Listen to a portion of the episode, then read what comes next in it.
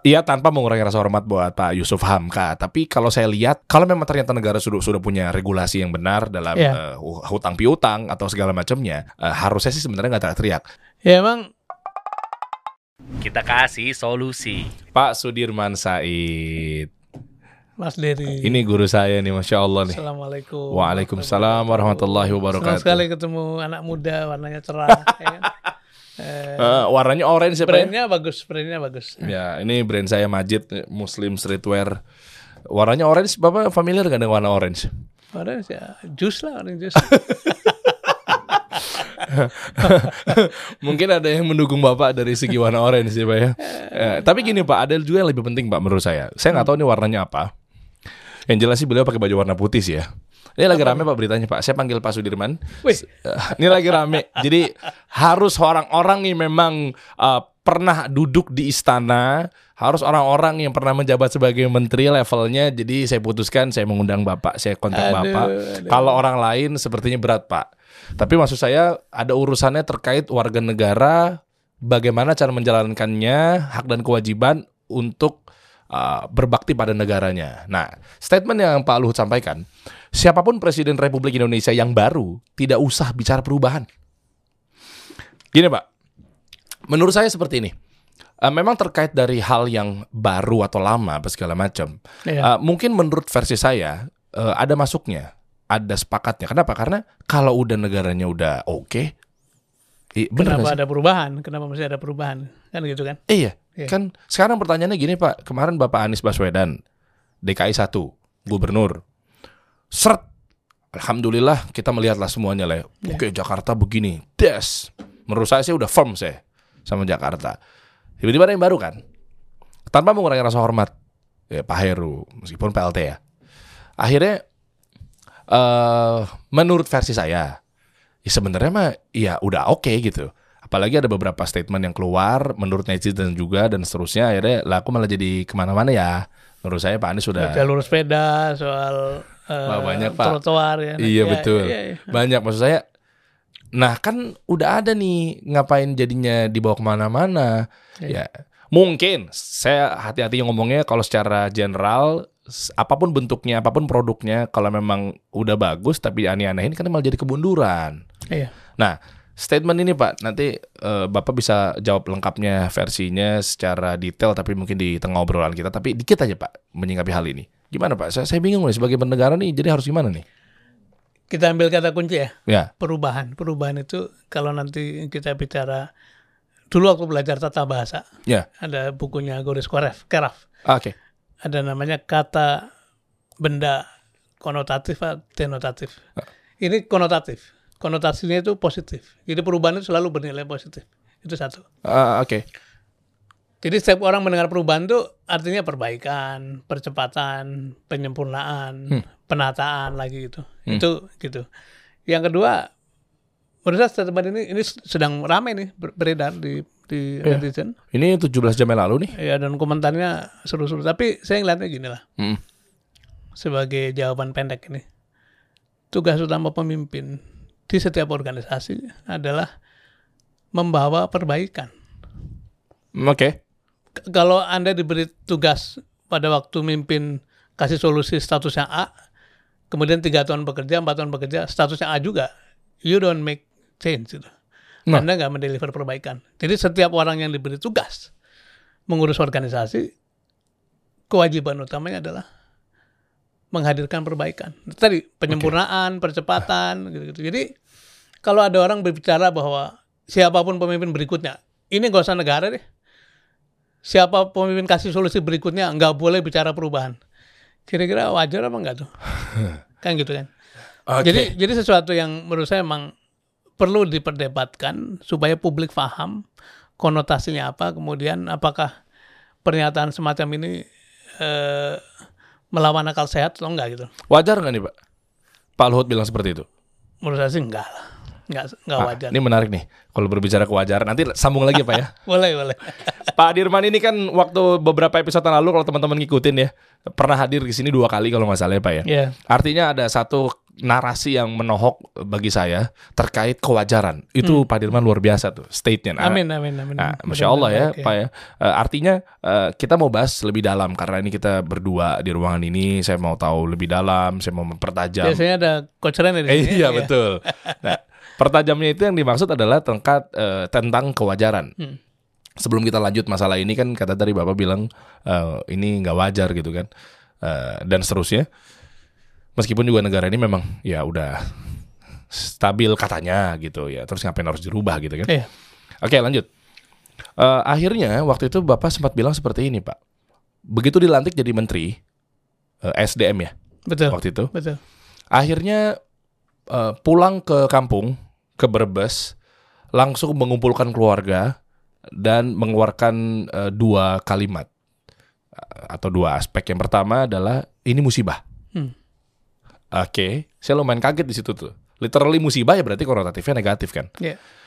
Yang kedua adalah artinya menyambung dari yang poin pertama, yang kedua ya kamu semuanya di sini ya mungkin ada ada, ada eh, sepupu, ponakan dan seterusnya. ya. Saya jadi menteri artinya kamu harus siap hidup susah.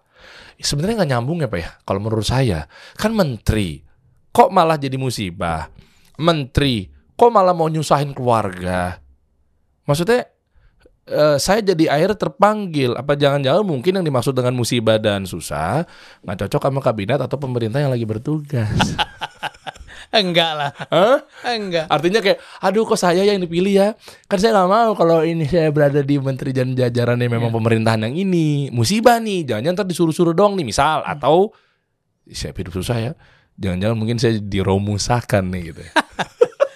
Gimana tuh Pak itu dulu? Kita berangkat dari situ eh, sembari Ya, saya mau tahu kisah atau story eh, perjalanan Pak Sudirman Said yang sempat ada kutipan juga dulunya tukang koran, akhirnya tukang koran eh, masuk istana. Nah, itu kan Pak Dirman banget tuh. Iya. Ah, kita kupas ya, Pak. Iya. Pertama nggak ada urusan sama kabinet atau wajah kabinet kan awal-awal kan memang kita semua punya harapan kepada pemerintahan Pak Joko Widodo dan saya juga membantu walaupun tidak langsung membantu Pak Anies sebagai jurkamnya jadi di, di dapurnya Pak Anies tuh saya bekerja jadi kita punya harapan besar waktu waktu Pak Jokowi JK. Widodo pertama gitu. Mm-mm. Jadi yang saya maksud musibah adalah sejak dulu saya punya pemahaman menjadi pejabat publik, apalagi pejabat, pejabat tinggi, itu memang pengorbanan.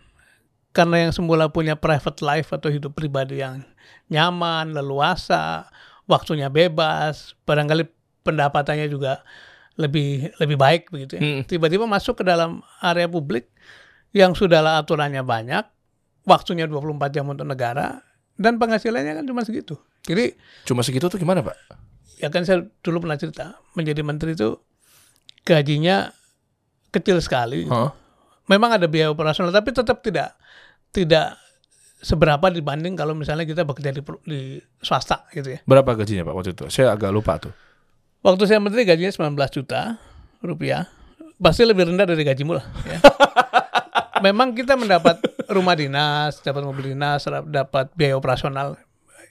Cukup lah, cukup secukup. Tapi kita tidak punya keleluasan untuk hidup bermewah-mewah. Untuk bantu kiri kanan yang terlalu luas itu, itu pasti lah. Nah karena itu saya katakan musibah karena dengan masuk ke dalam posisi itu, maka tangan, kaki, pikiran, hatimu, seluruh badanmu betul-betul terpenjara tanda kutip oleh tugas. Belum lagi begini, belum lagi Iya. ketika Anda sebagai orang swasta bebas, perilakumu saat suka-suka silakan.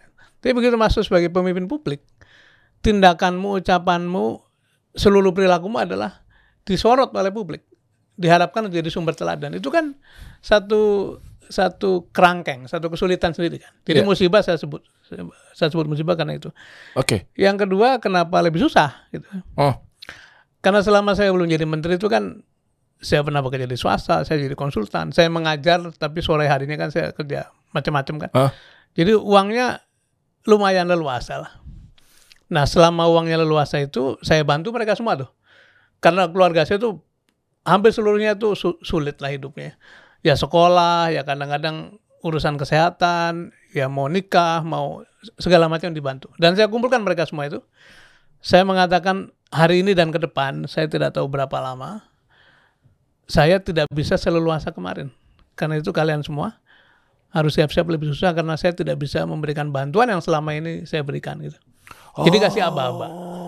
Gitu. Iya. Jadi ya nggak mungkin karena pakai duit rakyat juga. Iya dong. ya justru justru itu kan pesannya. Jadi mungkin nanti akan banyak yang datang ke sini minta tolong, terus ngasih iming-iming segala macam. Kalau kalian semua sayang saya, tolong jangan diladeni karena urusannya urusan ya dengan saya. Jadi jangan sampai bocor ke mana-mana. Itu yang pengen saya sampaikan pada keluarga lah. Dan saya juga ingin menekankan bahwa kan saya ini bukan dari keluarga berada ya, sehingga jangankan jadi menteri itu. Ketika saya menjadi direktur saja, ketika saya menjadi direktur perusahaan swasta itu memang gapnya jauh sekali, apalagi menteri lompat luar biasa dan itu bagi orang desa, orang-orang eh, tetangga-tetangga saya itu sesuatu yang tidak masuk akal sekaligus kok tinggi sekali gitu ya. Kemudian harapannya kan tinggi kan, harapannya Ah. harapannya seolah-olah bisa apa saja. Apalagi kalau melihat praktek yang berlangsung sekarang. Seolah-olah begitu jadi jadi pejabat jangankan menteri jadi bupati jadi wali kota jadi Kayaknya ini wah banget nih. jadi itu itu yang pengen Oh, pengen saya hadirkan jadi kita kembalikan pada ya yuk hidup yang wajar gitu Wah ini menarik ya. Nanti kita bahas lagi mengenai kewajaran. Masih di ranah yang keluarga dan lain sebagainya. Hmm. Eh, bukan maksud mengungkit dengan dulu kemiskinan Pak Dirman apa segala macam. Tapi saya mau tahu ya, kok sampai segitunya? Artinya mungkin mereka tuh keluarga-keluarga memiliki mindset yang dikhawatirkan Pak Dirman. betul Ya kan? Contohnya misalnya, wah enak ya sekarang ya, hidup kita udah jadi nggak susah lagi. Mungkin itu ya. Turunannya akhirnya ya udah tenang, ini nggak kayak segitunya kok. Boleh tahu nggak dulunya Pak Dirman itu yang tukang koran dan lain sebagainya seperti apa Pak? Untuk memotivasi Iya, iya. teman-teman kita yang lainnya gitu. Sebe- sebetulnya ada yang ngasih masukan saya jangan lagi cerita-cerita masa lalu tapi oke untuk pelajaran Hmm. ada seorang wartawan senior Kompas menulis di halaman 2 pada waktu rame-rame papa minta saham itu Wah ya. Jadi diberi judul Sudirman Said dari penjual koran ke istana. Penjual koran itu cerita saya ketika saya di Washington sekolah gitu. Eh, jadi sambil karena kan beasiswa nggak cukup, saya bawa keluarga, bawa anak, bawa istri. Untuk mencukupi itu maka setiap subuh bangun lebih awal jam 3 jam 4 pagi kemudian jadi paper boy, jadi loper koran Oke. itu sepanjang dua tahun lebih lah melakukan itu. Itu itu bagian dari survival saja gitu. Eh, tapi juga memang sebetulnya kenapa harus melakukan itu karena memang support system saya tidak ada. Artinya keluarga itu tidak mungkin membantu saya Eh, karena janganlah membantu. Eh, selama ini juga eh, kami bantulah. Adik kakak keponakan itu semua pada waktu sekolah ya kita bantuin. Hmm. Eh, begitupun keluarga besar. Kalau ada apa-apa ya kita ikut bantu. Bukan karena kita merasa lebih dalam artian eh, secara materi tapi mereka ini kan jauh di belakang. Jadi Iya. kewajiban kita kalau ada kelebihan ya kita tolong mereka gitu. Jadi memang eh, sebagai gambaran ayah saya wafat pada saya usia 9 tahun. Oh. eh, kelas 4 SD dan saya anak ter- tertua nomor 2 yang pertama kelas 5 yang paling kecil itu tiga bulan usianya. Eh, Oke. dan kebetulan ibu saya bukan orang yang sekolah dua-duanya sudah almarhum tentu saja. Eh, kelas 4 sekolah rakyat tidak punya tanah. Tinggal di desa jadi ya memang gelap hidup itu. Saya survive karena dibantu oleh saudara dari dari ibu istri yang pertama dari bapakku yang lebih hidupnya lebih baik lah bahkan saya sejak umur 4 tahun sudah tidak tinggal bersama orang tua. Ya, tinggal di eh, kakak kadang-kadang pindah ke om kadang-kadang pindah ke pokoknya kalau orang Jawa ada namanya ngenger ngenger tuh Apa? numpang sambil bekerja jadi Oh. cuci-cuci nyiram tanaman eh, apa eh, setrika baju eh, nimba air untuk ngisi Oh. bak mandi itu pekerjaan orang yang ngenger kalau yang punya kerbo mandiin kerbo gitu ya Oh. ke sawah segala macam itu saya saya kerjakan dari mulai umur 4 tahun sampai SMA lah. Wih, lama juga ya. lama dan dan se- tapi sebetulnya pada waktu kuliah juga sama. Numpang ke saudara di di Jakarta ini yang polisi sudah almarhum juga ya sambil bantu-bantu rumah tangga. Karena nggak bisa bayar kos kan. Kalau kalau bayar kos kalau kos kan perlu bayar. Nah sementara kita Iya. nggak punya uang. Jadi hidup saya begitulah. Dan dan karena itu eh, saya merasakan semua ini sebenarnya miracle aja, keajaiban dan Allah kayak punya eh, sudahlah kamu eh, kamu jalan dan karena itu sejak selesai sekolah kuliah saya selalu mengatakan ini waktuku untuk membayar balik pada lingkungan gitu. Oh, itu turning pointnya. dan dan berusaha menjaga tadi sudah diberi karunia sebanyak ini masa mau ngaco hidupnya kan kayaknya nggak bersyukur amat kira-kira gitu Ah, ah, ah, itu poinnya tuh ya. Ya. Makanya kalau saya lihat kemarin kan yang papa minta pulsa, saham Sa- eh, papa minta saham, papa minta pulsa mah yang tipuan nih. Papa minta saham, Setia Novanto dan lain sebagainya itu kan artinya bentuk pengabdian kepada negara. negara betul Ya kan dalam arti ya, ya yang hak yang hak yang benar yang benar gitu kan tanpa harus kita bermain juga gitu di dalam. Nah eh, lalu berjalannya waktu sampai masuk istananya itu pak saya penasaran. ya eh, saya kuliah di STAN alhamdulillah saya Ya. dapat beasiswa dari negara pulang pulang kuliah dari Amerika. Saya kepengen betul-betul mengabdi di kampus pengen ngajar. Dan eh, dua alasan. Satu memang senang pendidikan senang Ya. kaderisasi anak-anak.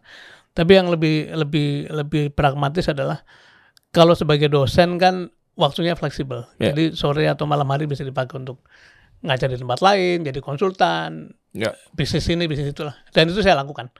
Oke. jadi nah sejak di kampus itu saya memperoleh banyak tugas-tugas publik tuh Eh, pernah ngurus Ikatan Akuntan Indonesia organisasi profesi akuntan Ya. sebagai direktur eksekutif kemudian pernah eh diminta ditugasi beberes bisnis TNI pada waktu Oh iya. undang-undang eh, TNI kan tahun 2001 kan dikatakan TNI tidak boleh lagi bisnis karena itu ditertibkan. Nah, saya mau menjadi bagian dari dapurnya yang beberes itu. Audit, review, kemudian restrukturisasi dan sebagainya. Pernah di Pertamina eh, diundang masuk ke Pertamina sebagai corporate secretary eh, lumayan tinggi dan eh, alhamdulillah eh, tugas itu selesai dengan baik. Tapi juga pernah diundang untuk bergabung dalam Badan Pengelola Rekonstruksi Aceh setelah tsunami. Oh benerin lagi tuh ngebangun Betul. lagi kotanya apa Betul. segala macam. Saya ya? salah satu deputi, saya ikut membantu Pak Kuntoro yang luar biasa Pak Kuntoro leadershipnya. Kemudian saya pernah di Pindad juga kan, eh, Ya. di Rut Pindad eh, dan eh, ketika saya di Rut Pindad kemudian muncullah tugas ini sebagai menteri dan saya tidak ikut kampanye langsung, saya tidak kenal Pak Joko Widodo, saya tidak pernah berinteraksi dengan politik sebelumnya gitu. Nah, eh, makanya saya, ketika saya mendapat tugas itu seperti sebenarnya kaget aja gitu, kenapa harus menangani tugas ini dan dan apa namanya kebetulan bidangnya bidang yang penuh kontroversi waktu itu ya, Eh, banyak sekali kisah Hmm. Freeport, ya? Freeport segala Waduh. macam. Ma- makanya ta- tapi saya tidak pernah menolak tugas kan Nggak mau ke mana pun sesulit apa pun karena tadi eh, dalam kepala saya itu apa pun yang datang ini adalah kesempatan saya membayar balik pada lingkungan pada Wah. negara pada masyarakat gitu yang Iya.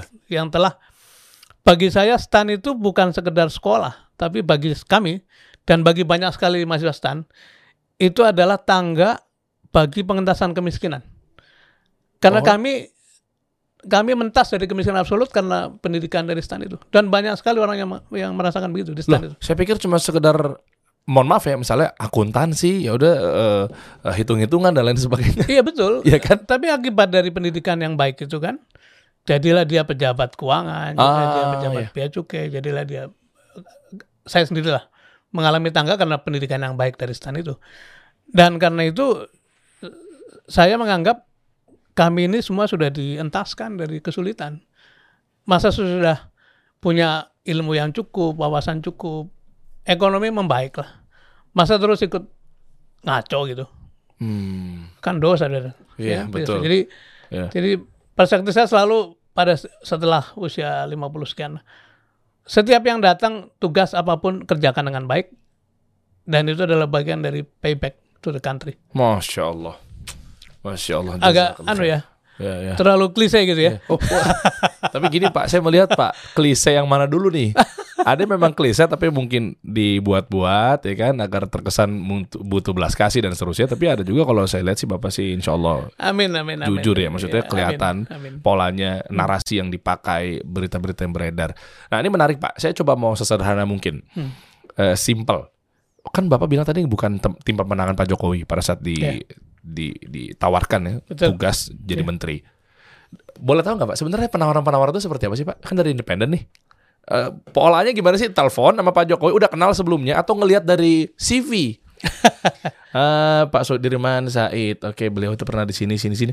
Cocok nih ada bangku kosong di SDM misalnya. Atau gimana sih Pak di kontak? Saya nggak tahu ya eh, Heeh. di dalam itu seperti apa. Tapi menurut kisah dan itu dikonfirmasi oleh Pak Presiden sendiri. Eh, menurut cerita dari teman-teman itu, teman-teman KPK waktu itu, eh, kan pada waktu Pak Joko Widodo memilih menteri, waktu itu masih punya proses nama yang akan dimajukan itu diminta dicek ke KPK, Oh iya. ya kan? Oke. Ada potensi apa nggak kasus Ah oke. yang Kalau tidak- utang utang kalau punya utang nggak apa-apa di KPK. Utang nggak apa-apa lah. Utang mah nggak masalah ya. Tapi kalau kalau kemungkinan jadi tersangkanya besar, kasih merah, stabilo. Ah. Kalau yang ada potensi tapi kecil kuning. Kalau yang aman ya barangkali nggak di stabilo atau hijau barangkali. Ah, oke.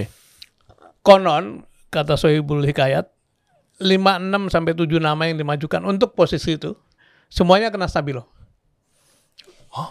Oh ya? Iya, ya, katanya ada 5 atau 6 nama. Bahkan nama terakhir itu diajukan pada Jumat, hari Jumat tanggal 25 Oktober. Itu sudah hari-hari terakhir penyusunan. Itu juga kena stabilo juga dan ketika disodorkan kena stabilo juga Pak Presidennya tercenung terus siapa gitu. Kok begini semua gitu. Oh. Nah, narasumber yang bercerita itu menyampaikan, ini teman-teman KPK, Pak, ada orang dulu di Pertamina ditugasi membereskan hal semacam ini juga, beberes supply chain, mafia segala macam, tapi belum selesai, sudah berhenti. Oh siapa namanya? Disebutlah nama saya. Hmm. Kemudian ditanya lagi orangnya di mana gitu. Orangnya sekarang di BUMN, sekarang di Rutpindad gitu. Hmm. Oh, sudah dekat dengan pemerintah dong. Iya orang pemerintah gitu. Saya merinding terus, terus. Terus eh, konon hari itu Jumat itu dibahas dan sampailah pada kesimpulan Jumat malam. Eh, menurut cerita yang lain orang itu bercerita pada saya jam 12 malam diputuskan eh, maka nama saya muncul itu. Oh. Itu proses keputusannya katanya. ya. Belakangan hari kira-kira bulan kesekian saya juga ngobrol dengan Pak Presiden. Presiden nanya pada saya, Anda tahu nggak nama saya, nama Anda dari mana gitu? Kan orang mengira dari Republik Kala gitu kan, kata Pak Oh dari Pak Presiden. JK. Iya, iya Ya, betul betul. iya kan? Kan Bapak sama Pak JK juga Betul. ada kedekatan juga tuh. Terus Pak Presiden bilang, bukan, bukan dari Pak JK. Itu datang dari KPK namamu itu. Gitu. Wih. Itu, itu, menurut saya itu dua cerita itu nyambung ya. Oke. Kemudian bagaimana proses penunjukannya? Saya kan di Rutpindad, jadi tinggal di Bandung, tapi tiap weekend saya pulang. Nah, Jum- Sabtu pagi itu tanggal 26 saya lagi siap-siap pulang pakai sendal, pakai jeans, pakai baju sembarangan lah. Namanya mau pulang. gitu. Iya. Tiba-tiba ditelepon oleh seseorang eh yang ada ada telepon tiga kali tuh, miss call terus. Oh. Saya nggak tahu kan, jadi saya nggak nggak angkat. Oh. Eh, tapi telepon balik saya angkat. Eh, Man, apa kabar? Uh, Yusuf Kala nih gitu. Oh. Waalaikumsalam Bapak Pres. Eh, mohon maaf tadi saya nggak tahu gitu. Eh, apa kabar? Baik Pak. Gimana Pindad? Pindad baik gitu. Dan saya bercerita mengenai reformasi, penataan, kerjasama dengan luar negeri. Pokoknya saya menceritakan sedang asik di Pindad. Oke. Iya, tapi itu mesti ada dicari ganti. Loh, kenapa Pak gitu? Mungkin Anda akan dapat tugas eh, eh, dan kami tadi malam diskusi sampai malam sampai jam 12 malam. Eh, ada satu sektor yang sulit dan godaannya banyak, yaitu SDM. Wah, Dan karena sulit dan godaannya banyak, kami memutuskan memilih orang jujur. Eh, mungkin Anda akan dipanggil Pak Presiden gitu. Saya bilang innalillahi wa. Masya Allah, ini cobaan apa nih Pak gitu? Ya tugas negara lah gitu. baik Pak saya renung-renung Pak dan saya akan barangkali membaca ulang gitu eh, apa yang saya ketahui soal energi segala macam.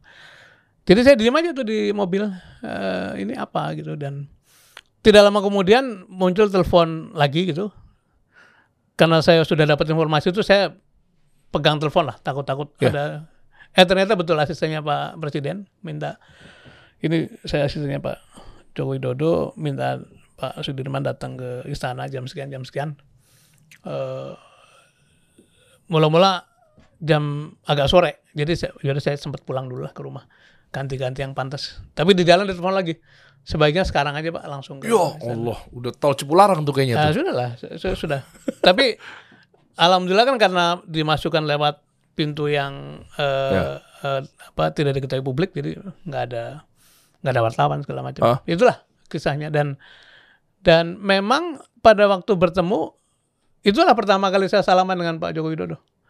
Oh, sebelumnya belum belum pernah ketemu. Nggak, pernah, nggak pernah Oh, ketemu, wow. nggak pernah berinteraksi, nggak kenal. Eh, saya bantu Pak Anies di belakang, jadi nggak pernah. Oh. Nah, ya ketika itu beliau menyampaikan itu, ini masalah energi gimana, mafia disebutkan secara spesifik, Eh, listrik yang ketinggalan, kilang segala macam. Saya jelaskan Pak Presiden, saya terima kasih diundang untuk diskusi dan eh, kami sebetulnya sedang eh, saya sebut sedang asik beres-beres di Pindad dan potensinya besar untuk dikembangkan.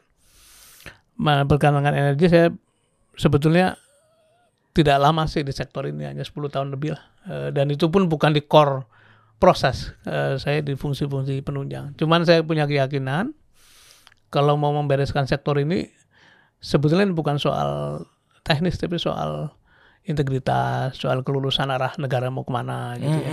Karena orang-orang pinter pasti akan berbaris ikut serta kalau Hmm, kita iya, pasti. arahnya ke mana. Eh, itulah diskusi pertama dan beliau tidak mengatakan saya jadi menteri apa pokoknya diajak ngobrol lah hampir satu jam barangkali. Terus besoknya lagi saya diundang eh, eh, hadir untuk kemudian dikasih baju putih kan su- supaya eh, seragam barangkali. Terus mulai nama muncul di TV saya mulai digodain kan. Itu namamu? Enggak saya nggak tahu apa-apa soal ini gitu. Padahal saya saya agak bohong juga gitu. Ah, oke. orang-orang mulai lihat barangkali muka saya disorot kali. Itu lo gitu. Bukan gitu. Saya merinding banget tuh proses-proses sakral seperti ini nih. jadi dan saya dalam hati saya gini karena saya tahu di balik itu ada ketegangan kan soal biasa lah kalau Iya. pembentukannya ada ketegangan. Iya. jadi saya merasa ini bukan apa-apa sampai betul-betul diumumkan resmi gitu jadi Iya. my mental model itu this is nothing gitu Ah, oke. Nah, begitu jamnya tiba kira-kira jam menjelang jam 5 lah, diumumkan satu persatu saya, nama saya dipanggil, diumumkan bahwa saya diberi amanah sebagai Menteri SDM. Hati saya mulai saya tanamkan. This is a job, this is a role, this is a call uh, uh, dari negara dan Bismillah saya jalankan sebaik-baiknya. Uh, uh, dan saya hampir tidak punya waktu untuk berpikir, bersiap pun nggak berpikir. Jadi karena dari hari ke hari kan terus didera dengan isu. Ya memang waktu itu eh, isunya seru tuh soal Masela yang sekarang mangkrak, Aduh. soal Freeport, soal kilang, soal mafia, soal listrik. Itu berat tuh. Memang orang-orang terpilih memang yang harus eh, masuk di ranah sumber daya.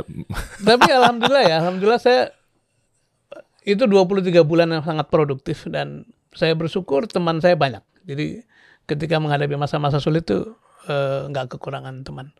Eh, orang-orang besar seperti Faisal Basri, Nah, iya. Andam Bahtiar itu langsung line up kita bantu kita bantu. Jadi eh, nah kembali ke tadi eh, saya sudah buktikan bahwa ini musibah kan gitu kan. Ya. 23 bulan hidup tanpa jeda gitu. Eh, tidak punya waktu pribadi. Eh, secara ekonomi mengalami kemerosotan pasti karena memang memang ya itulah se- segitu-gitunya gitu. ya. Eh, dan ketika selesai sore hari saya WA anak-anak eh, I'm done alhamdulillah.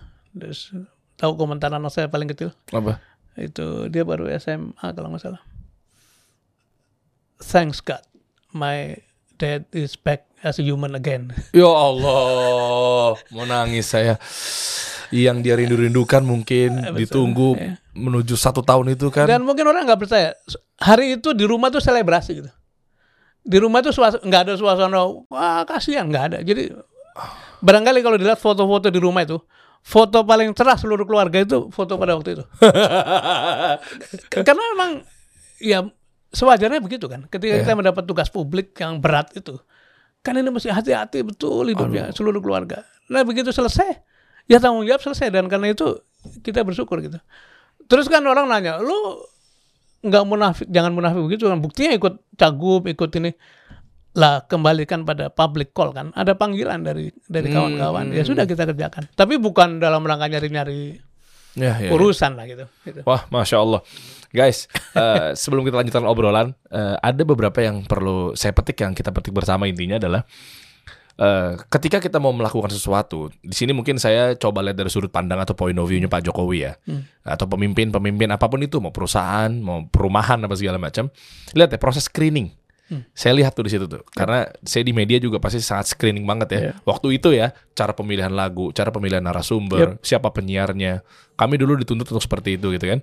Nah, artinya eh, ternyata screening itu betul-betul dilakukan. Betul. Agar apa sih? Agar kita tahu kapal ini mau dibawanya sama orang yang benar apa enggak. Ya. Ya kan? Waktu itu kan saya juga sama halnya dengan mungkin ya pemimpin yang lainnya. Waktu itu saya juga melihat siapa penyiar yang pantas di radio ini dan seterusnya. Karena screening dulu nih. Dia pernah ngomong kayak gini nggak?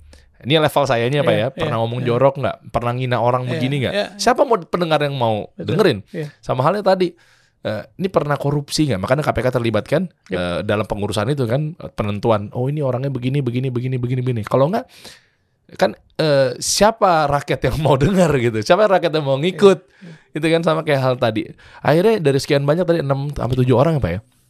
Kena list ya, kena kena blacklist lah kasarannya. Ya kita nggak usah bahas lah sebut namanya karena memang bukan itu yang mau kita bahas. Ternyata muncul ada orang lain nggak? Karena memang kita lihat bahwa ngurus negara ini nggak berat.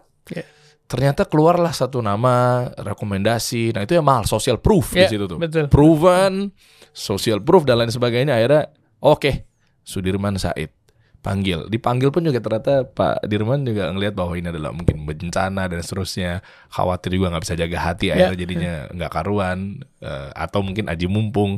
Yang bilang ini adalah mumpung kendaraan dimanfaatkan dengan hal-hal yang korupsi misalnya. Nah, tapi menariknya gini Pak, sebelum saya juga bahas mengenai eh, Pak- Bapak tadi kan di stand juga Pak ya. Ya. Di situ kan apalagi lagi ramai mengenai hitung-hitungan peruangan yang eh, Yusuf Hamka yang 775 sampai 800 miliar, ya. itu kan. Tagihan ke negara ya. Ah, tagihan ke negara dan lain sebagainya. Nanti, nanti nanti menarik nih kita bahas nih karena memang harus orang-orang yang eh, orang-orang akuntan atau orang-orang yang paham dalam hal ini. Sebenarnya itu gimana? Iya. Ada yang bilang ini adalah dari eh, uang eh, bank cendana dan seterusnya kan waktu itu kan. Rame banget nanti kita pas lah nggak apa-apa Pak Dirman ini Ya, agak-agak ya, padat kita bahasnya nih. Ya. Tapi gini, ngeliat dari hal yang tadi masalah screening apa segala macam, saya percaya dengan pepatah atau bahkan ini dalil. Rasulullah SAW sampaikan terkait eh, eh, kamu adalah agama temanmu. Hmm. Eh, kalau misalkan kita main sama pengusaha parfum, Iya. kita dapat wanginya. Kalau kita main sama orang pandai besi, gitu kan, kita dapat baunya dan Iya. seterusnya. Ternyata berangkat dari yang memang Allah sudah atur, Rasulullah SAW sampaikan dan lain sebagainya, sangat relate pak. Coba saya mau cek pak, Hmm. teman-teman bapak siapa? Nah, nanti nyambung nih. Nanti nyambung nih. Artinya kalau memang ternyata Bapak ada di orang yang tepat, ah, berarti circle Bapak insya Allah nantinya apa pun itu mau dapat tugas negara apa segala macamnya, eh, kami ya eh, follow eh, the rules dan lain sebagainya gitu. Nah, makanya Bapak juga dekat dengan Pak Anies Baswedan. Boleh tahu nggak kisahnya beliau eh, ketika Ketemu ketemu dan berteman. Berteman Ya. sampai akhirnya menjadi Kementerian Pendidikan juga Iya. beliau kan waktu itu kan sa- di yang sama dong ya Era yang sama. ah, ah, Masuk sama-sama eh, Kabinet Jokowi lulusan JK. sama-sama ya. Eh, Jokowi JK juga kan? Betul.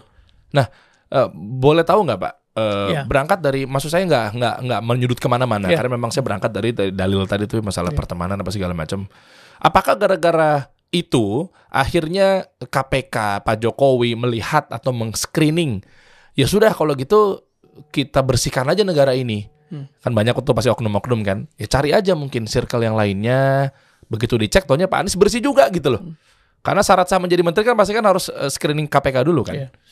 itu gimana Pak Screeningnya eh, menurut saya pada waktu itu pengharapannya begitu besar. Hmm. Ba- bahkan saya ingat sekali pada waktu saking pengen jaga jaga governance, jaga efektivitas pemerintah itu saya ingat sekali pengarahan Bapak Presiden Joko Widodo pada sidang kabinet pertama pada hari Senin saya tanggalnya lupa. Saya kira 27 26 itu Sabtu, 27 itu Minggu, 28 ya, Oktober 2014. Kalimat pertama setelah pembukaan itu kurang lebih begini. Saudara-saudara yang hari ini masih pengurus partai politik silahkan mengundurkan diri. Wah. Ini semua orang satu ruangan tuh canggih nih kawan. Betul-betul kepengen mengajak yang di ruang sidang kabinet tuh full fokus Masa. pada pada negara ya. Pak Jokowi itu ya? Pak Joko Widodo. Masya Allah. Dan eh, ada seseorang menteri yang merasa jabatannya tinggi sekali. Jadi, jadi, eh, bertanya, Pak Presiden bagaimana kalau pengurus partainya itu adalah wakil ketua umum? Hmm. Aku kan berharap beliau jelasin. Eh, dia beliau nggak jawab, tapi mengulang pernyataan yang pengurus partai politik hari ini mengundurkan diri gitu. Waduh. Mantep nggak tuh? Jadi mantap ya. Mantap kan? Nggak ada urusan nih mau Iya, wakil iya, mau jadi memang, apa. memang pada awal-awal tuh suasana suasana kepengen betul-betul mengabdikan diri pada republik pada rakyat lupakan semuanya kira-kira gitu nah Oke. sekarang saya ditanya tadi siapa teman-teman saya mulai dari senior ya Hmm. saya mulai hidup itu mulai ngerti eh, kehidupan kira-kira ya SMA kuliah lah pada waktu kuliah saya tuh entah bagaimana ceritanya berteman sama orang kayak Adi Sasono almarhum Nah, ya. ketika sudah sudah agak eh eh, apa aktif di kampus saya kenal sama Bambang Harimurti eh, pemberatnya Tempo waktu masih nggak Oh. bersahabat terus belakangan saya kenal dengan orang seperti Cak Nur almarhum Nur Haris Majid Hmm. saya kenal Pak Mari Muhammad saya kenal Pak Kuntoro Mangku Subroto Hmm. kenal Pak Eri Riana Haja Pamengkas kenal Bu Sri Mulyani Eh, lewat MTI kenal Pak Budiono dan sebagainya Nah orang-orang itu sedikit banyak adalah my mentor yang memberi nilai, memberi visi dan sebagainya. Tentara saya kenal Pak Sabri Samsudin, kenal Pak Endra Tono Sutarto, mantan Panglima. Hmm. Itu semua mewarnai. Nah sekarang sampailah pada cerita kisah ketemu dengan Pak Anies. 2005 saya bekerja di Aceh kan, Oh ya, buat eh, rekonstruksi. rebuild ya. Nah bulan Februari kalau tidak salah, saya dapat tugas ke Washington untuk satu urusan. Eh, kemudian di Washington hadir dalam satu forum di mana Anies itu bicara sebagai speaker. Dia waktu itu lagi menyelesaikan eh, doktornya. Gitu. Iya. Eh, sangat mengesankan. Waktu itu kita bayangan kita ini Obama Indonesia nih gitu. Masya Allah. Wajahnya ganteng, Iya. bicaranya runtut, tidak ada sampah dalam ngob dalam Iya. eh, perkataan gitu. Waktu itu lagi demam Obama juga kan di Iya. di Indonesia. Terus kenalan, makan siang karena obrolannya enak sampai jam 3 di saya ingat di di tepi Sungai Potomac tuh di satu warung seafood. Hmm. Sejak itu bersahabat lah. Eh, tidak lama kemudian beliau lulus sekolah, selesai pulang ke Jakarta, ketemu lagi. Saya kebetulan lagi ditugasi beberes para Madinah. Eh, saya sebagai P, PLT rektor, pejabat sementara rektor karena Cak Nurnya sakit waktu Hmm. itu, rektor pertama. Saya menerima jabatan rektor dengan syarat tugasnya satu mencari rektor definitif, yang kedua dikasih pendek saja gitu dan ketemulah Pak Anies. Ada proses yang panjang tapi akhirnya Pak Anies jadi rektor. Sejak itu ya tidak pernah berpisah. Ngurus kampus kita bantuin, bangun Indonesia mengajar, saya ikut di dapurnya, ikut nyari dana segala macam. Ikut kampanye, ikut konferensi tahun 2009 atau atau 13 kalau nggak salah ikut bantu. Jadi semua langkah-langkah politik itu saya ada di di belakangnya lah. Termasuk pada waktu jadi jurkam. Walaupun kan saya dipindah jadi nggak mungkin muncul kan. Tapi di dapurnya saya ikut diskusi, ikut memasak pesan-pesan segala macam. Oke. Sampailah ke gubernur. Eh, nah, apakah urus, apa kaitannya dengan tadi dengan eh, kabinet? Saya sih menduga Pak Anies juga memberikan rekomendasi, tapi tidak spesifik. eh, eh, le- lebih karena barangkali Pak Anies ditanya lah Iya. siapa-siapa yang bisa disodorkan barangkali ya. Saya menduga beliau juga memberi rekomendasi, tapi begitu masuk ke kabinet ya sudah kan beliau tugasnya di sektor yang berbeda, masing-masing bekerja aja. Nah, saya tidak pernah menyangka bahwa kami sama-sama diluluskan lebih cepat eh, kan lulus eh, akselerasi tuh bos. Wah, masya Allah. Jadi kalau kelas reguler kan lima tahun, nah kita satu tahun dua sebelas bulan sudah lulus lah gitu. Bisa begitu tuh ya. Eh, Kemudian kita juga nggak pernah menyangka bahwa Mas Anies akhirnya jadi gubernur karena waktu itu kan saya ditanya oleh Pak JK, man apa rencanamu gitu. Saya balik ngajar pak. Kemudian eh, ya nyari pekerjaan lah buat memperbaiki ekonomi lah kira-kira gitu ya. Iya. Eh, kemudian Pak Anies juga ditanya mau apa. Eh, Pak Anies berencana salah satunya kembali ke dunia pendidikan, dapat undangan postgraduate dari postdoktoral dari berbagai kampus. Itu Wah. buat dia sih enteng aja gitu. Dan sudah siap-siap berangkat ke Amerika. Oh, oke. Jadi eh, i- itu perjalanan saya dengan Pak Anies lebih dari sekedar urusan politik lah. Eh, banyak sekali yang sudah dikerjakan bersama sebenarnya dari dulu. Gitu. Dan- Masya Allah. Padat ya. Akhirnya hmm, ya semut dengan gerombol dengan semutnya yang eh, sejenis pemahaman burung dan sejenis terbang bersama katanya. burung bersama-sama terbang dengan eh, burung sejenis ada lain sebagainya gitu kan. Ya, artinya memang pentingnya teman, pentingnya eh, part ya partner apa segala macam dalam hal ini. Yang terpenting adalah pasti kita harus jujur dulu tuh ya. Bersih apa segala macam dan eh, bangkai mau disimpan ditutup rapat sedalam-dalamnya Akhirnya pasti akan kecium, ya, betul.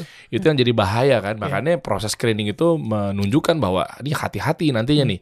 Mau di diumpetin kayak gimana pun pasti akan kecium juga. Iya. Nah, makanya sampai akhirnya sekarang berjalan dan lain sebagainya. Nah, kenapa saya undang salah satu eh, pembahasan yang tadi juga ya Ya. terkait dari hal bagaimana cara kita nanti eh, bernegara dan lain sebagainya undang Pak Dirman tuh ya ini pembahasan yang yang memang kita harus tajamkan sampai akhirnya eh, sebelum kita bahas Pak Luhut lagi statementnya yang kemarin kan sempat ramai Pak Yusuf Hamka Hmm. ya terkait dalam hal dulu pernah naruh 76 miliar iya, iya, di tahun baca, ya. 1996 ya kita nggak lagi bahas mengenai detail masalah bunga dan depositonya tapi dengan bentuk akad yang memang dijalankan 76 miliar masuk dihitung dengan per bulannya dapat eh, profit atau keuntungan 2% sampai akhirnya dihitung sekarang harusnya dia mendapatkan 775 sampai 800 miliar. Ya. Akhirnya bikin surat terbuka duitnya nagih ke negara ya. Nah, maksud dalam hal ini gini, Pak. Eh, negara ini punya proses kan? Punya hukum yang jelas apa segala macam. Ya. Kalau kayak begitu boleh disurati nggak ke ke pengadilan? Ya, menurut saya perikatan bisnis kan pertama-tama pakai hukum perdata ya. Kecuali ada yang pihak yang berniat menggelapkan itu kan pidana. Oke. Tapi kalau selama itu urusan transaksi, urusan hitung-hitungan, urusan berapa bagi hasilnya segala itu perdata. Jadi pertama bisa dibicarakan kan Oke. dengan para pihak. Mm-mm. Eh, bahkan umpamanya kita punya utang di bank sekalipun, kan ada janji bunga, janji Hmm. terus nggak nggak tertunaikan, kan masih bisa proses restrukturisasi, bisa proses negosiasi segala macam. Jadi Pemutihan gitu. pemutihan barangkali ya, sebagian bunga dibebaskan atau Hmm. bahkan pokoknya kalau memang si si debitur tidak mampu sama sekali kan di haircut. segala. Jadi Ya, ya. itu kan biasa saja gitu. Iya. Nah, bagaimana dengan negara? Ya negara adalah institusi yang sustain, yang terus-menerus ada meskipun pengurusnya berganti-ganti. Jadi tinggal dudukin aja tuh. Ini hitung-hitungan kami, terus bagaimana dari pihak negara ngitungnya, Hmm. negosiasi kan, selesai. Oke. Lah, tanpa keluar-keluar harusnya bisa dong. Ya mestinya sih bisa ya. Nah, nah teriak-teriak itu kita lewat medsos kan juga tahu eh, profilnya Pak Yusuf kan memang beliau sangat senang bercerita apa yang dikerjakan kan. Ya. Saya tidak tahu eh, dalam urusan ini eh, apa eh, niatnya gitu. Eh, kan gitu kan. Ada motif tertentu maksudnya. Aku nggak tahu. Kalau kalau beliau cerita sedang membagi sedekah itu baiklah buat siar ya. Oke. Sedang bersedekah, sedang apa itu baik. Tapi saya nggak tahu ini soal ini eh ap- apa iya Kementerian Keuangan sebagai penanggung jawab utang piutang negara itu memang sudah mengabaikan sehingga tidak ada jalan lain kecuali eh, Teriak. berteriak. Kan misalnya dengan Dirjen Kekayaan Negara nggak bisa nagih kan ada menterinya. Ah. Menteri nggak bisa ada Menko. Hah. Menko nggak bisa ada eh, barangkali DPR komisi yang membidangi keuangan. Kan Oh ya. banyak saluran-saluran itu. Ah. Nah, nggak tahu apakah menganggap sudah buntu sehingga harus diungkapkan ke publik. Saya saya nggak ngikutin detail. sangat normatif dan diplomatis sekali Pak. ya, ya ya. Tapi memang kita lihat dari sini ya, ya yang eh, pandangan saya Pak eh ta- ya tanpa mengurangi rasa hormat buat Pak Yusuf Hamka, tapi kalau saya lihat kalau memang ternyata negara sudah sudah punya regulasi yang benar dalam Iya. eh, hu- hutang piutang atau segala macamnya, eh, harusnya sih sebenarnya nggak teriak-teriak. Eh, dampaknya pernah dipikirkan nggak ketika ini buat semua ada orang-orang teriak-teriak eh, kepada pemerintah misalnya dalam hal memang ternyata udah ada aturan mainnya. Iya. Nah, tapi kok ngapain double-double? Udah diurus aja, sabar aja dulu. Nah, dampaknya apa? Khawatir jadinya sentimen pada pemerintah. Khawatir jangan-jangan mungkin Anda jadi fitnah. Khawatir juga takutnya orang-orang yang harusnya nggak terlibat dari hal-hal tersebut malah jadi terzolimi. Kayak tadi kan Bu Sri Mulyani jadi pusing.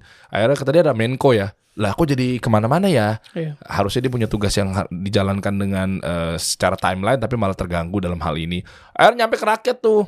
Rakyat juga jadinya ya udah, misalnya siapa pun nanti yang jadi misalnya tiba-tiba digoyang aja lagi terus ya tanggung jawab dong nih. Carut marut negara. Gimana tuh Pak kalau begitu tuh Pak? Ya emang noise itu kan fungsi dari apa kestabilan. Jadi makin stabil, makin kredibel, makin dipercaya itu noise cenderung rendah. Oke. Nah, saya tidak tahu. Tadi makanya saya bilang kan saya nggak ngikutin. Sejauh mana Pak debitur dalam hal ini eh, eh, sorry kreditor ya yang memberi kredit. Dalam hal ini Pak Yusuf Bangamba. Sudah menempuh proses. Apakah surat menyuratnya sudah intens? Apakah ada negosiasi? Apakah sudah? Barangkali nuntut ke pengadilan juga not bad sama sekali. Karena itu kan memang jalan yang diberikan. Ya. walaupun sekarang itu kan banyak sekali anjuran silakan masuk ke dalam amicable solution istilahnya. Iya, iya. non penyelesaian non pengadilan. Jadi kalau semua sudah di- ditempuh kemudian seperti desperate tidak ada jalan lain kemudian menyodorkan ke publik ya sudah kita maklumi.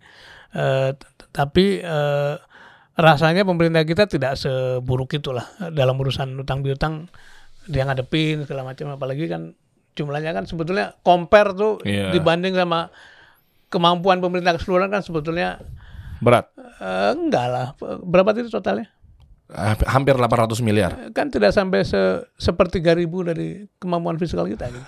Iya, iya. kalau APBN kita kan 3.000 triliun sekian jadi se- kecil sebetulnya ba- dan yang kecil itu pun bisa dibicarakan gimana kalau nggak sekaligus atau hitungan bunga tadi barangkali karena sudah lama sekali Ya. sebagian bisa di di Oh iya ya, bisa benar. banyak Kecil yang ya. bisa dikerjakan mestinya Dibanding harta beliau juga sebenarnya nggak jauh beda juga kali ya. Atau mungkin gampang ya. Atau mungkin Pak Dirman mau yang lunasin. nah Soal berbicara mengenai eh, cerita Pak Dirman tuh luar biasa teman-teman ya terkait dalam hal kewajaran. Nah, nyambung deh tuh. Coba buka lagi dong Pak Luhut sama kita bahas aja deh, nggak usah tanggung-tanggung deh. Bentar lagi mau 2024 Pak. Ah. Ini kalau kita berbicara mengenai kewajaran, ya ya eh menurut saya kayaknya udah hampir banyak berita yang nggak wajar Pak. Menuju tahun-tahun panas mau pemilu 2024. ya. Yang ini jadi begini, yang kanan tiba-tiba ke kiri, yang pemahamannya tiba-tiba lurus jadi ke belakang, macem-macem pak. Iya. Iya kan, apalagi terkait perubahan nih statement dari Pak Luhut siapa pun presiden Republik Indonesia yang baru tidak usah berbicara perubahan. Kata beliau seperti itu. Nah, eh, nyambung deh sekalian nih pembahasan Iya, iya. kita mungkin di akhir-akhir obrolan terkait dalam hal eh kenapa ya kalau tahun-tahun 2024 atau menuju pemilu tuh selalu hal-hal yang nggak wajar jadi diwajar-wajarkan gitu atau gimana sih pak? Se- sebetulnya indahnya demokrasi kan adanya pandangan yang bermacam-macam dan memang koridornya tadi kepatutan kewajaran ini, ini pantas nggak sih ber- berpandangan begini? Dan siapa yang memberikan koridor kewajaran ini? Ya keteladanan pemimpin. Itu itu Oke. itu pastilah. Oke. jadi pemimpin terutama di paling atas paling atas tidak hanya satu ya menteri itu paling atas lah. Karena di antara seluruh republik kan hanya 50-an orang yang 50-an orang yang selevel menteri ya kurang lebih ya. Hmm, oke.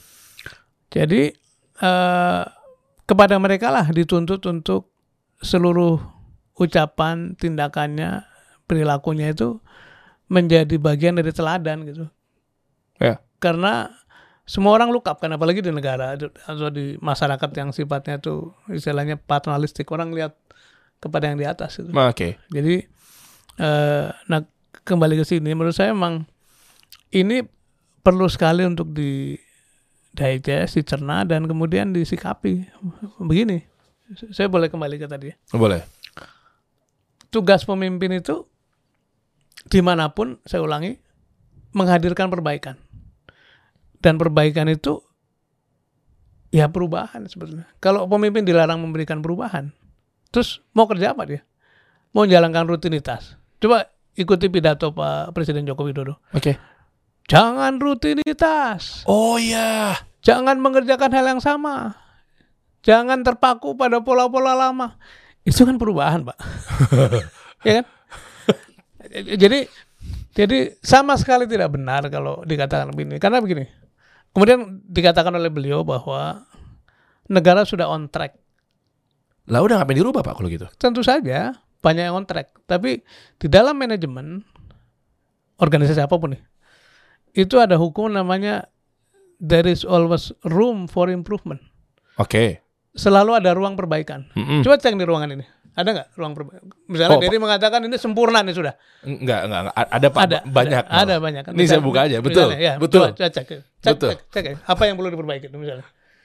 Ini AC apa enggak terlalu Nembak. nembak ke Ah. ke eh, kita eh, gitu ya? eh, Kan eh. itu ruang perbaikan. Betul.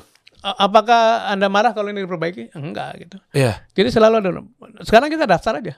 Apa ruang perbaikan yang di mata publik memerlukan penataan? Contoh, hukum kita, Pak. Kalau jenderal berbisnis sabu gitu, kemudian bertahun-tahun adanya, apa itu bukan perlu diperbaiki? Saya kira polisi juga gelisah gitu. Polisi-polisi perwira menengah ke bawah itu gelisah. Iya. Kok atasannya begitu gitu? Oke. Ada jenderal yang tugasnya memberikan pengawasan pada seluruh polisi Hmm. itu ternyata melakukan pembunuhan berencana gitu dan terbukti di pengadilan. Hmm. Apa ini bukan sesuatu yang kita perlu perbaiki gitu. Hmm. Tahun 98 reformasi itu salah satu yang diperangi adalah kolusi, korupsi, nepotisme. Iya. Korupsinya sekarang gila-gilaan, indeksnya dibuktikan turun terus. Tujuh lembaga tinggi negara, enam pemimpinannya itu masuk masuk Waduh. penjara gitu. Jadi pakai baju warna oranye kayak saya gini, Pak. Kemudian namanya nepotisme Hah. itu muncul di mana-mana. Apakah ini bukan ruang perbaikan gitu? Nah, Oke. konflik of interest antara pejabat dengan pengusaha. Pejabat-pejabat yang pagi hari teken kebijakan, sore hari rapat di perusahaannya untuk memperoleh ke- eh, Ah. ben- benefit itu. Itu kan jadi rahasia umum, Pak. Menjabat sambil berdagang. Apakah itu bukan ruang perbaikan gitu? Apakah ini dimaksud dengan on track? Tidak, tidak. Jadi kita menghormati seluruh yang di- dikerjakan oleh pemimpin siapa pun di masa lalu dari mulai Bung Karno, Pak Harto, Pak Habibie, Gus Dur, Ibu Mega, Pak SBY sampai Pak Jokowi. Hmm. Tapi negara ini masih berlanjut Mm-mm. dan menjadi tugas kita Oke. Untuk terus-menerus menyodorkan agenda-agenda perbaikan. Mm-mm. Nah, kalau perubahan ditafsirkan sebagai membubarkan apa yang baik, pertama yang menafsirkan itu mesti ditanya sekolahnya di mana gitu. Mm. Paham nggak kata-kata perubahan itu? Yang Oke. kedua itu prejudice. Jadi saya ingin ingin mengajak pada ya apa audiens gitu ya, pelajari betul apa itu kata perubahan dan tugas pemimpin adalah memang menyodorkan agenda perbaikan di mana pun. Jadi kalau ada pemimpin baru yang datang kemudian dicegah untuk bicara perubahan ya you are not democratic. Anda anti demokrasi tuh. Mm. Oke. Dan Pak Jokowi waktu tahun 2014, Iya. Pak Jokowi itu berarti bisa dibilang membawa perubahan dengan sebelumnya. Oh iya, kampanye sebelumnya. dalam sektor Iya yang saya urus kan kampanyenya adalah menghilangkan mafia, mafia Ah, oke. migas, Ya, jangan ya, ya. eh, eh, menyetop impor itu perubahan pak. Ya setelah SBY kan? Semua agenda perubahan itu gitu. Betul. Setelah agenda SBY. Harusnya kan beliau juga tahu bahwa ternyata datang dan mem- membawa perubahan. Dan dan Pak SBY pada waktu itu sama sekali tidak berkomentar, tidak ikut campur siapa yang menggantikan dan bahkan mengembrace bahkan kira-kira pemimpin berikutnya harus lebih baik daripada saya gitu. Oh, oh, oh, oh, oh. Kan itu yang diharapkan masyarakat. Oh, oh, Mas oh, oh. Dan Oh, iya. begitupun Ibu Mega ketika mau selesai juga tidak ikut campur tangan, tidak ikut Oh, cawe-cawe. oh, Jadi kita sebetulnya punya teladan-teladan baik tuh dari para pendahulu. Nah, kita ambil itu sebagai teladan. Oh, oke. Terus yang dimaksud dengan perubahan tuh yang di mananya nih maksudnya nih? Menurut dia Kalau kan udah nggak usah diurubahin. ini mau bicara bahwa negara sudah on Nah, track, itu on track-nya apa tuh? kami akan ya yang beliau sebutkan hilirisasi, kemudian soal dana desa, soal itu hal-hal baik pasti akan kita teruskan.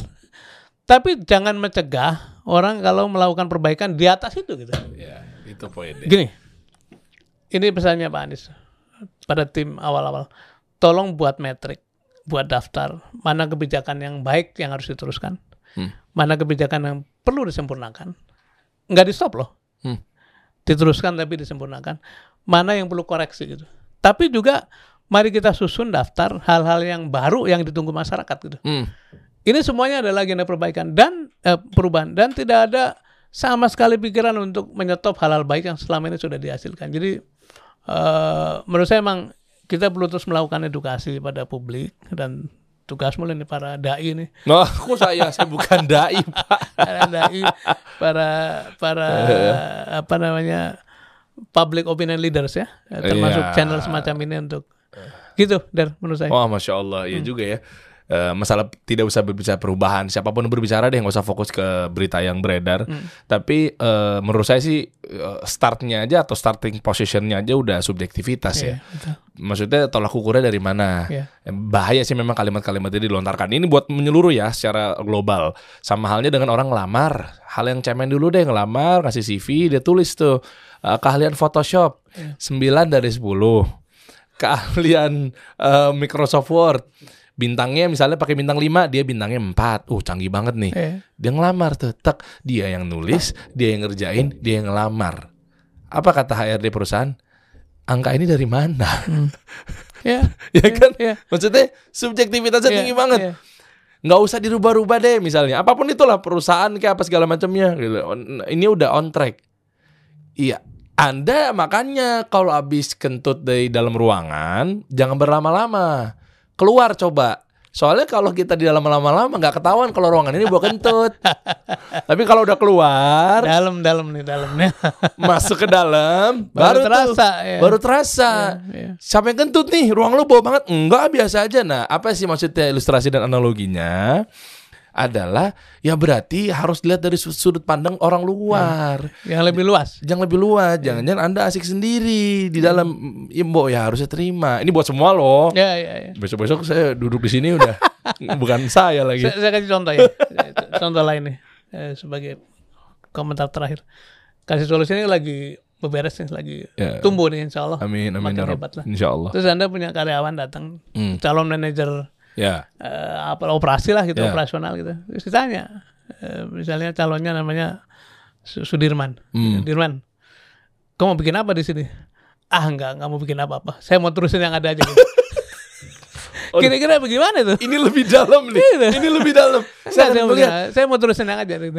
saya akan lihat satu eh, an- kontribusi anda apa Iya. yang kedua lah ini terus mau dibawa ke mana tugas anda kan saya hire untuk itu gitu ya wah keren Pak Dirman terima kasih Pak Aku terima kasih Dan. ada mau tambahin Pak buat tem- cukup. Eh, Masya Allah jaga kesehatan lahir batin dan Iya. insya Allah jaga kewajaran karena kalau kita menjaga kewajaran kita selamat lah. Oh iya benar. Eh satu lagi baru ingat. Hmm. Berbicara mengenai Pak Dirman kemarin mampir ke sini di episode yang lalu kan sama bareng coach Ren itu. Itu kan sempat bahas mengenai tentang statementnya Pak Dirman bagus apa, Dim? Eh, uang haram itu memberontak. Hmm. Wow tuh. Akhirnya kan kita buat satu sayembara mau bikin baju. Ya ya ya. Ya kan kebetulan salah satu eh, pengerjaan kita juga di sini adalah ya, eh, produksi baju apa segala macam gitu kan buat merchandise. Ya. Nah, ternyata banyak banget Pak antusias dari teman-teman semua Alhamdulillah, alhamdulillah. yang ngedesain kira kita buka- eh, ya bukan saya barat ya ada desainer nih yang bisa buat satu statementnya Pak Dirman uang haram itu memberontak strip Sudirman Said. nah, kita mau bikin baju Oke. tuh. Ayo, Kebetulan, ayo, ya kebetulan kan saya juga produsen. Yuk, kita kumpulin. Di- dikasih itu aja majid bawahnya gitu. Wih keren, Wah keren keren keren kita kolaborasi Ayo, ya pak ya. ya. Nah nanti kita kumpulin teman-teman yang gak usah khawatir. Coba eh, cantumin deskripsi dong buat kumpulin atau memang itu data yang eh, konkret kita lihat di deskripsi di bawah. Coba aja cek nanti kita tinggal atur tuh seperti apa berapa orang yang ngumpul atau Ya. kalau udah ada desainnya mungkin coba tolong teman-teman kreatif taruh di deskripsi di bawah. Nanti cantumin di upload aja di situ ya. Jadi perubahan pak ya. Insya Allah Insya Allah ya. Perbaikan, penyempurnaan, percepatan itu adalah perubahan. Masya Allah. Bapak di posisi apa pak? Aku tuh aku tuh menyadari aja. Iya. UMKM masih kosong nggak pak? Kita kasih solusi.